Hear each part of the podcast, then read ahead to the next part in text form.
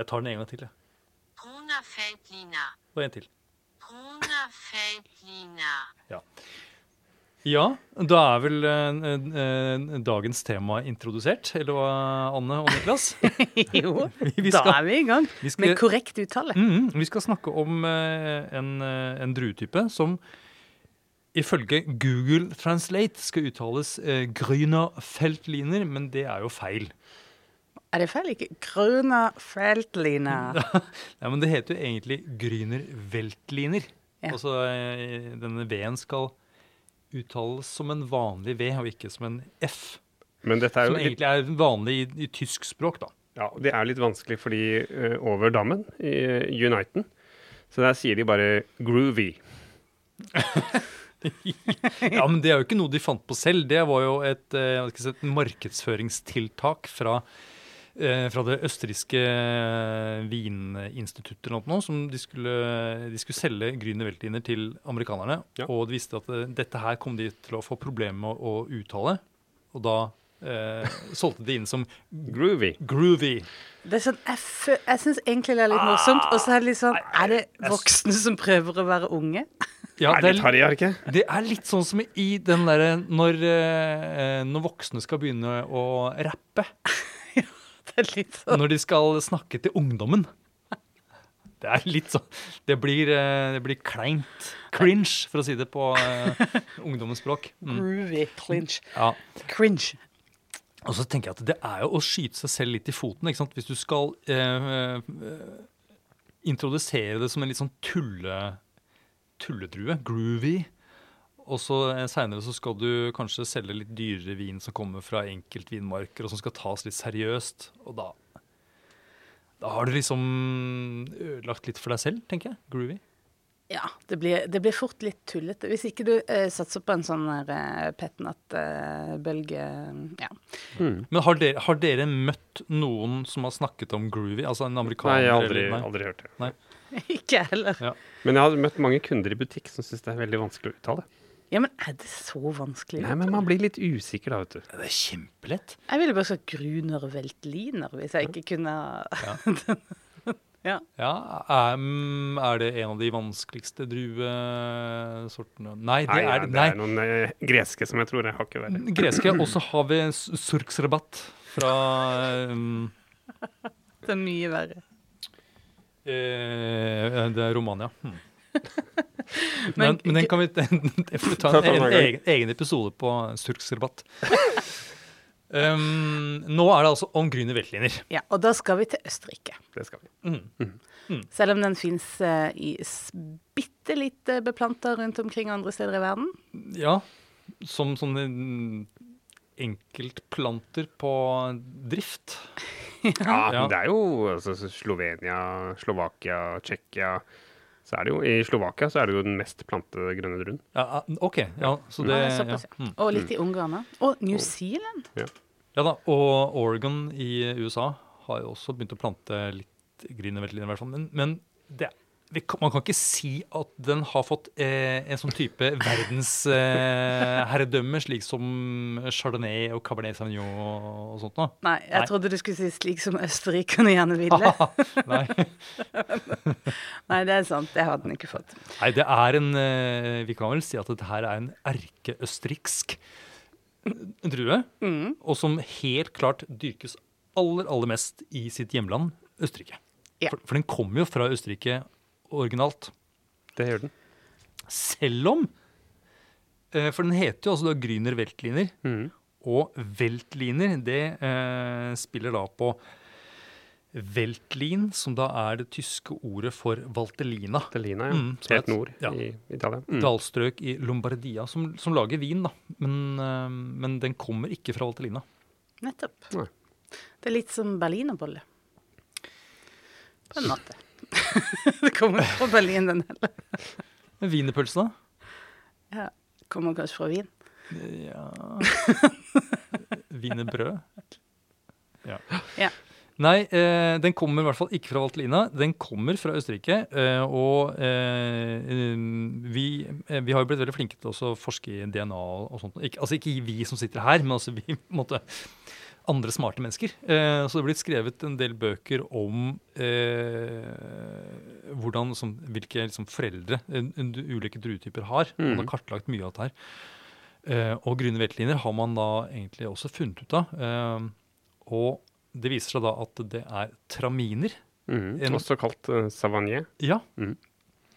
En, eh, en egentlig veldig gammel eh, druesort, som da er den, det ene, den ene forelderen til, eh, til grüne. Og så fant de da ut på 2000-tallet først, var det vel egentlig, eh, så dukket da opp den andre forelderen opp.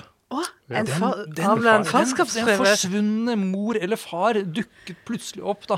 Etter å ha ligget i skjul, faktisk, i, på, eh, i en sånn, eh, en sånn bortgjemt beitemark eh, øst for Wien. Mm. For der eh, vokste det da nemlig, eller eh, det vokser fremdeles, en gammel, gammel gammel vinplante som hadde da ligget i et sånt tornekratt eh, med gressende kuer rundt.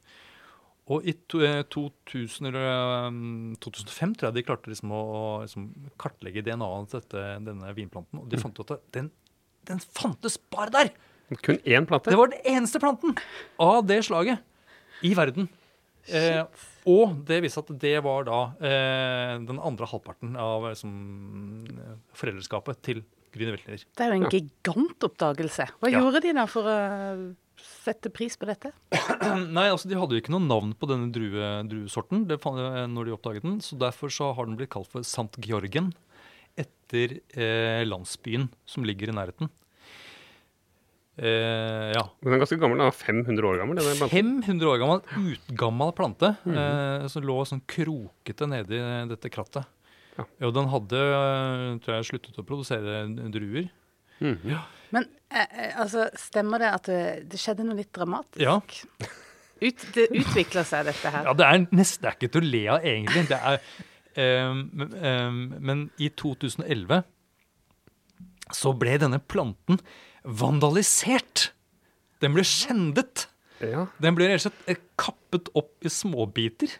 Eh, sånn at eh, folk kom dit skrekkslagne og eh, tenkte at dette her går ikke bra. Den kommer til å dø. Den vil ikke overleve. Den siste av sitt slag. Noen hadde kommet eh, eh, i nattens mulm og mørke og rett og slett eh, ja, ødelagt planten. Hva skjer? Ja, det- Hva skjer da?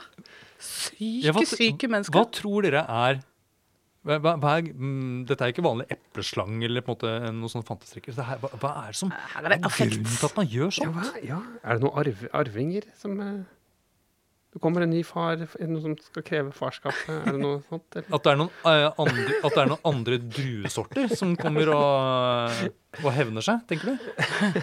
Ja, nei, jeg, som- nei jeg, jeg, jeg skjønner det ikke. Ja, jeg går jo ut ifra at det er mennesker da, som Ja, har det er eh, Men eh, nei, hva som har drevet disse folka til å Eller den ene jeg, jeg beklager å si det, men jeg ser det for meg at det er en mann. En mann i, eh, i sinne, Ja, En gartner, kanskje? kanskje? Eller en som dyrker eh, andre druesorter som heller vil ha litt oppmerksomhet rundt sine egne? Kanskje, Eller en plantesadist. En som har, ja, Helt klart noe sadistiske trekk her. ja. Mm. Men de har den, de klarte å redde den, Ja. og de har tatt uh, stiklinger av denne Det, det, ja. ja da. som har... de, Så det er mulig å Det, det har plantet no, Nå er det noen flere planter av denne som, er det det, ja? Ja, ja han skjønte det. Så det, man regner med at de kunne klare å lage vin på denne, denne druesorten Sant om noen år. Ja, det blir litt, eh, det Det blir gøy. Så ha-ha-ha, du som prøvde å ødelegge planten, du klarte det ikke. Nei, for nå er den jo nå er den jo verna. Det er Det er et, et, nasjonalt Kan man kalle det et monument? Kleno, klenodium. Klenodium, ja. Ja, nettopp. Mm. Eh, Jeg vet ikke om det er satt ut vakter og sånt nå. Eh, Jeg tror kanskje når jeg, eh, Hvis jeg noen gang kommer meg til Østerrike, så har jeg lyst til å besøke denne gamle vinplanten Sant Georgen. Og legge ned en liten blomst. Og kanskje legge ned en blomst, eller kanskje jeg skulle ofre et eller annet? Ok.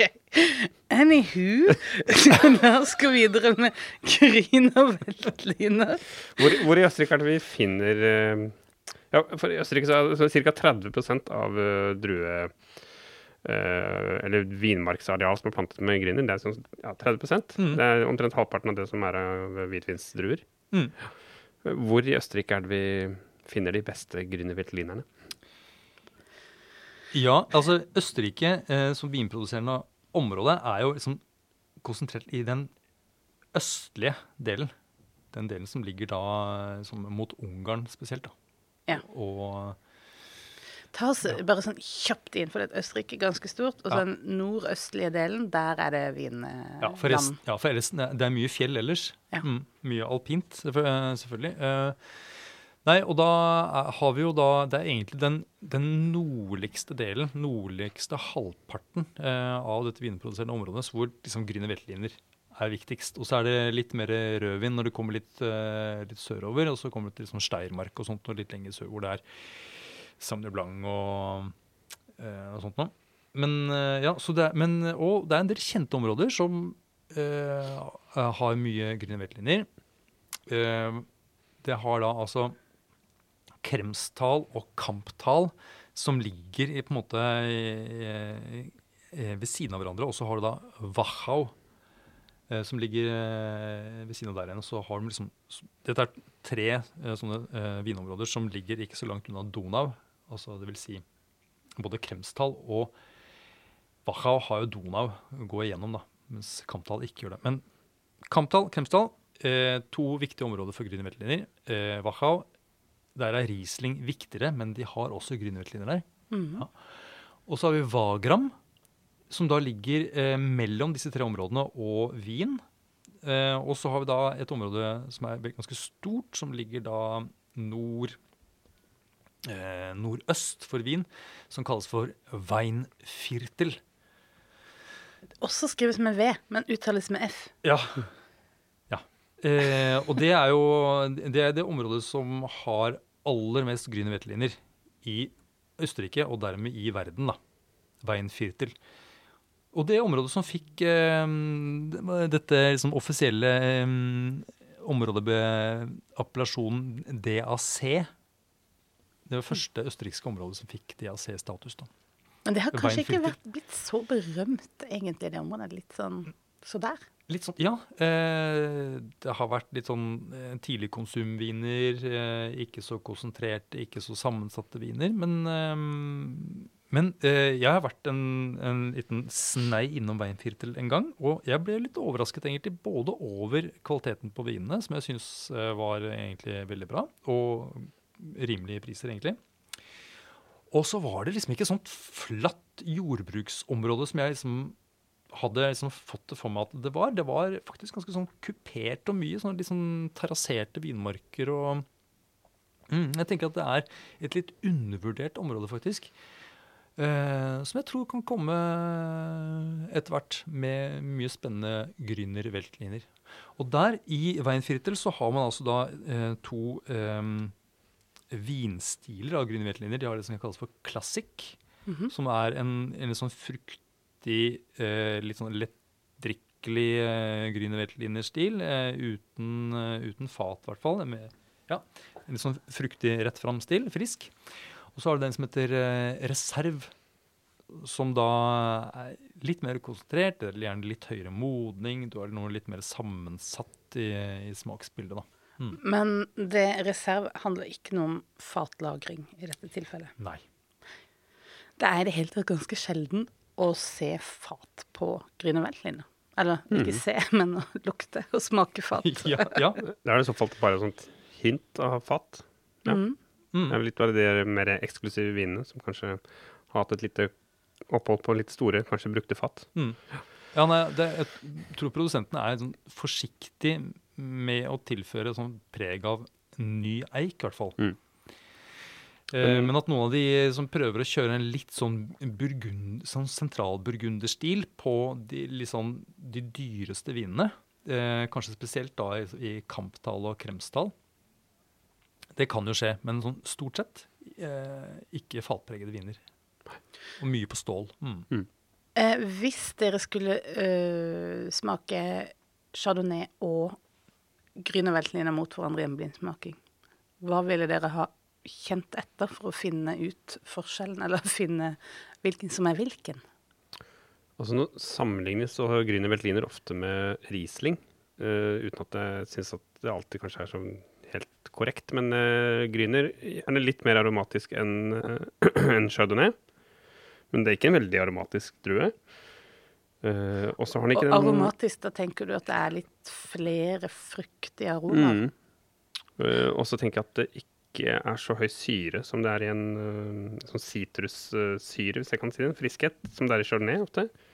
Er du enig i det, Anders? Ja, jeg er enig. Ja. Jeg også tenker at de er liksom eh, litt mer sånn dempet enn Mm. en typisk Riesling, eh, men allikevel mer fruktig enn en, en del kaldklima chardonnay, i hvert fall. Mm. Mm.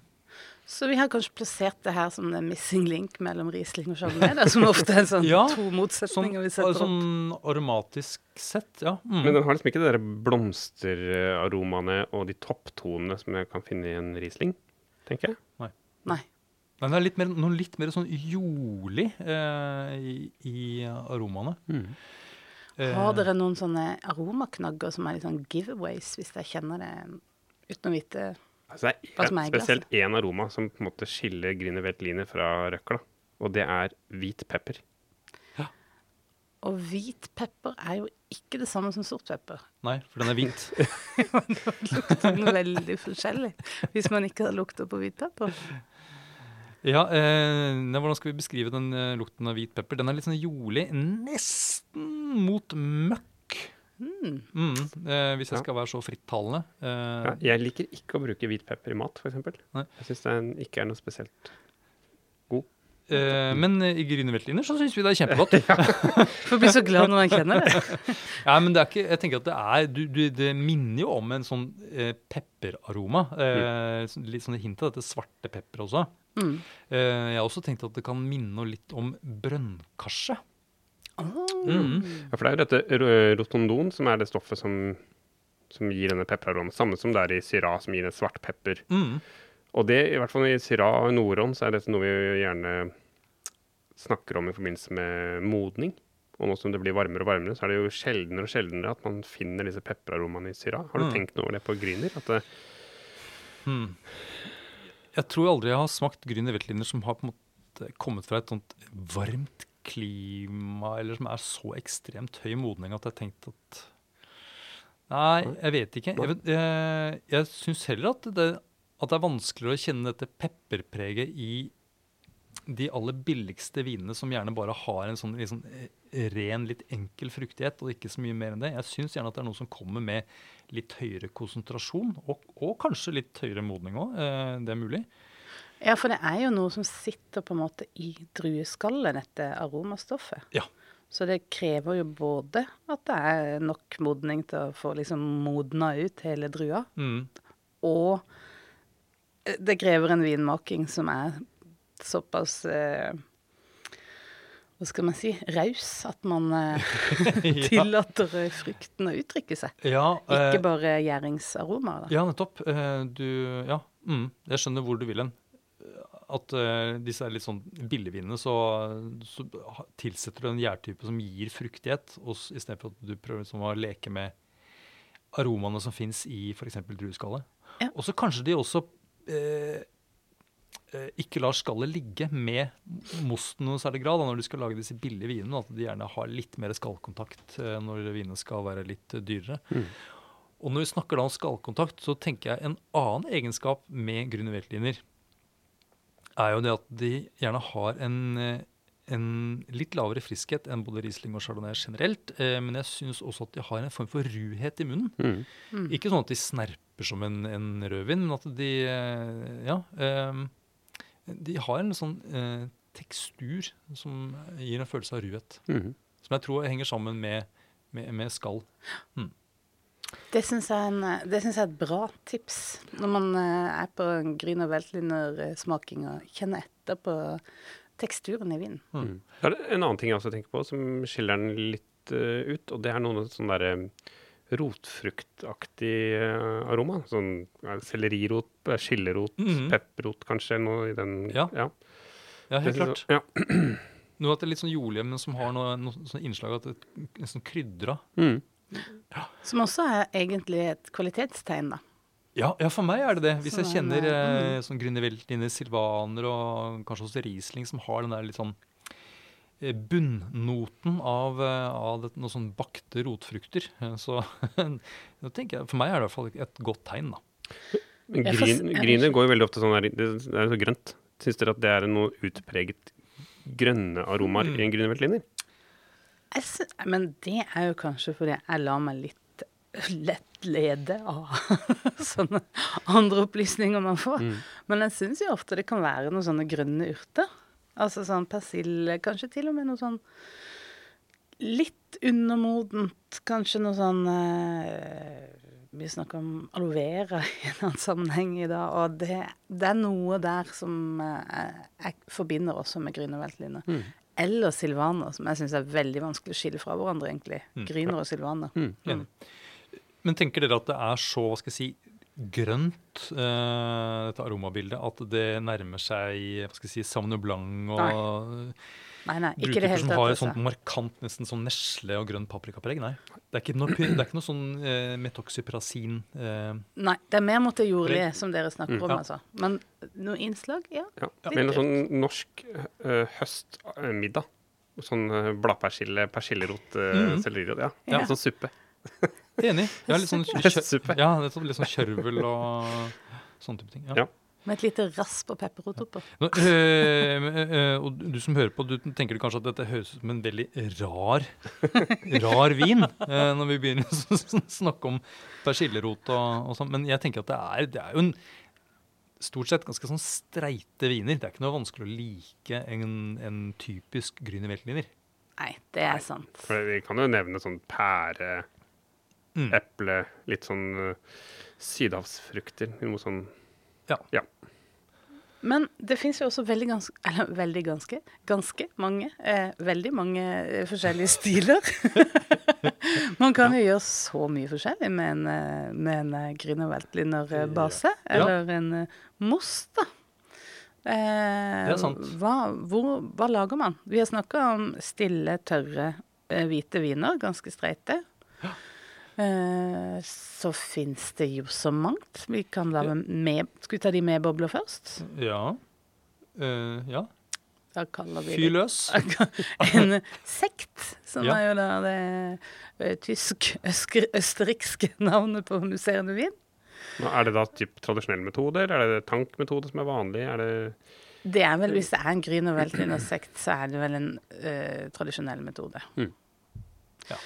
Eh, og, men man kan jo også lage petnat, mm. som er bare sånn perlende variant. At du har bare én gjæring som du liksom begynner på utsida av flaska og fortsetter inni, og får eh, en litt mindre trykk i flaska. Og du har gjærrestene liggende igjen, så du får en litt mer sånn um, gjæringsprega. Mm.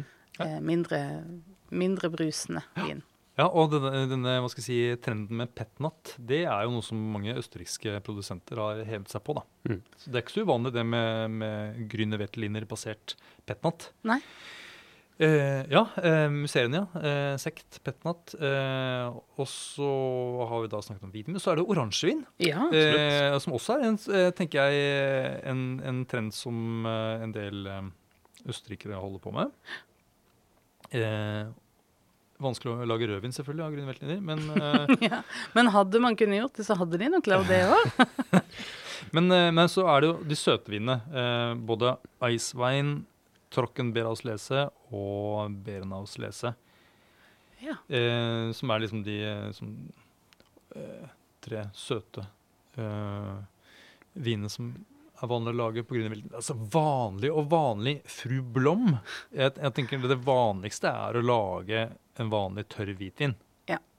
Men, at, eh, men dette her er sånn tysk tradisjon, eh, og, og sikkert en østerriksk tradisjon også, det å mm, lage mange forskjellige viner av samme druetype. Få litt variasjon, Ja, liksom. litt sånn som med Riesling, egentlig. Mm. Ja. Og bare sånn kjapt forskjellen på en Icewine og en Berenstadslese, Trocken benstadsleser, bare så vi tar det Ja, kjapt. eh, det er jo da uh, Da plukkes druene mens det er såpass kaldt at druene er frosne, rett og slett. Så mye av vannet i druen er da eh, iskrystaller. Mm. Og så presses da druene uh, mens iskrystallene finnes, i druen. Og da er det, det er konsentrert. da. Det som, Mm. det som renner ut da, er eh, en konsentrert most. Og det blir vin med sånn veldig ren fruktighet.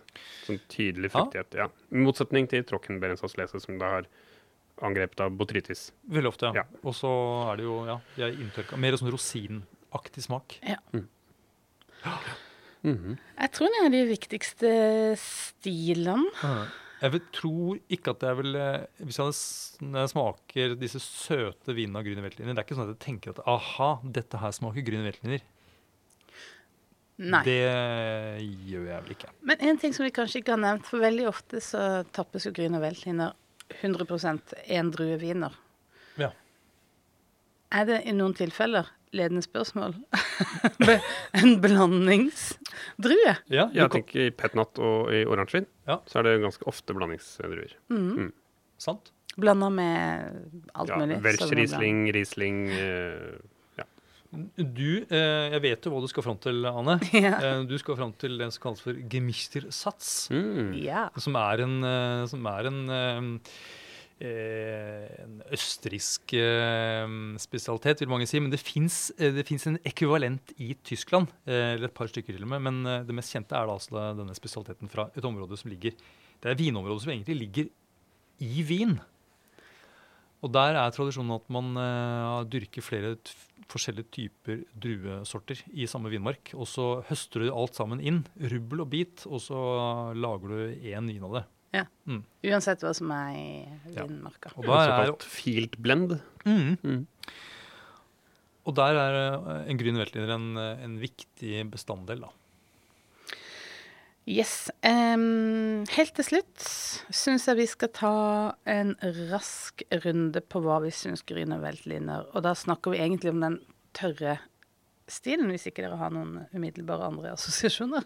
Nei, vi holder oss den vanlige. Den Ja. tørre, stille vin. Ja. Eh, hva spiser vi til det, da? Eller når skal man trekke frem Grüner Veltlineren?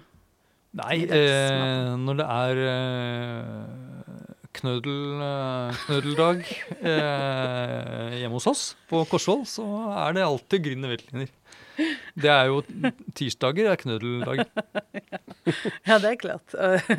Og knødel, det er en pasta, er det ikke det? Eh, ja, Eller er det potet? Det er mer som potet. Men også spetzle. eh, som vi- Spetsle var det jeg Ja, tenkte. eh, Og som- maultasje. Mm, spetzle har vi på torsdager. Maultasje på søndager innimellom hos oss. Nei, men eh, For å være litt seriøs, da. disse litt mer sånn konsentrerte og komplekse vinene. Mm. eh, lyst, lyst kjøtt, eh, kylling, eh, kalv, svin, eh, sånne type ting. Mm. Eh, ja, og jeg tenker eh, alt som har litt sånn krema, smøraktig tilbehør også. Ja. Eh, Det kan godt være alt fra vitello tonato til en eh, Carbonara. carbonara Ja, ja, ja. eh, kalvefrikassé. Mm. Eh, en eh, torsk med smørsaus. Absolutt. Jeg tenker også sånn, kanskje en sånn, en sånn norsk eh, høstsuppe. Sånn rotfruktsuppe. Ja, absolutt. Ja. Og jeg må si at jeg hadde en eh, sånn enkelt Dynmark høykvalitetsgryner som er ganske rik, litt sånn feit, men også har god friskhet. Eh, Masse veldig god konsentrasjon, som jeg hadde til fårikål nå i tidligere i høst. Ja. Og det fungerte veldig godt. Kult. Og Da kan vi bare nevne at eh, disse eh, enkeltutmarksvinene fra Østerrike, der står det gjerne Ried foran et, et navn. Mm. Hvis du ser det, står Ried f.eks. Kefenberg. Mm Kefenberg, eller Keferberg heter det. Eh, så, så vet du at du har en enkeltvinmarksvin. Da. Mm. Mm. Og så står det gjerne er det ØTV det står på de Ja, hvis produsenten er medlem av uh, tradisjonsveingoter. ja, som minner mellom det tyske VDP. På en måte. Ja. Eh, og av de litt sånn enklere, litt sånn fruktigere, slankere klassikk-stilen, Ja. så er det eh, Jeg tenker sånn derre salat uh, av sånn eh, Cæsarsalat, kyllingsalat. ja. Salater av ymse slag. Mm. En lite rekesmørbrød hadde ikke vært Nei. helt dumt, det. En liten rege. Mm. Ja, helt klart. Helt klart. Og så vil jeg da bare på tampen eh, bare reklamere eh, Det er kanskje feil å si at jeg skal reklamere på Vinpolets podkast. glem det, at jeg sa eh, reklamere. Eh, jeg vil bare eh, kanskje jeg vil opplyse om at jeg, jeg har hatt en spennende, eh, flere spennende opplevelser med utviklet Grüner Weltliner. Ja. Ja.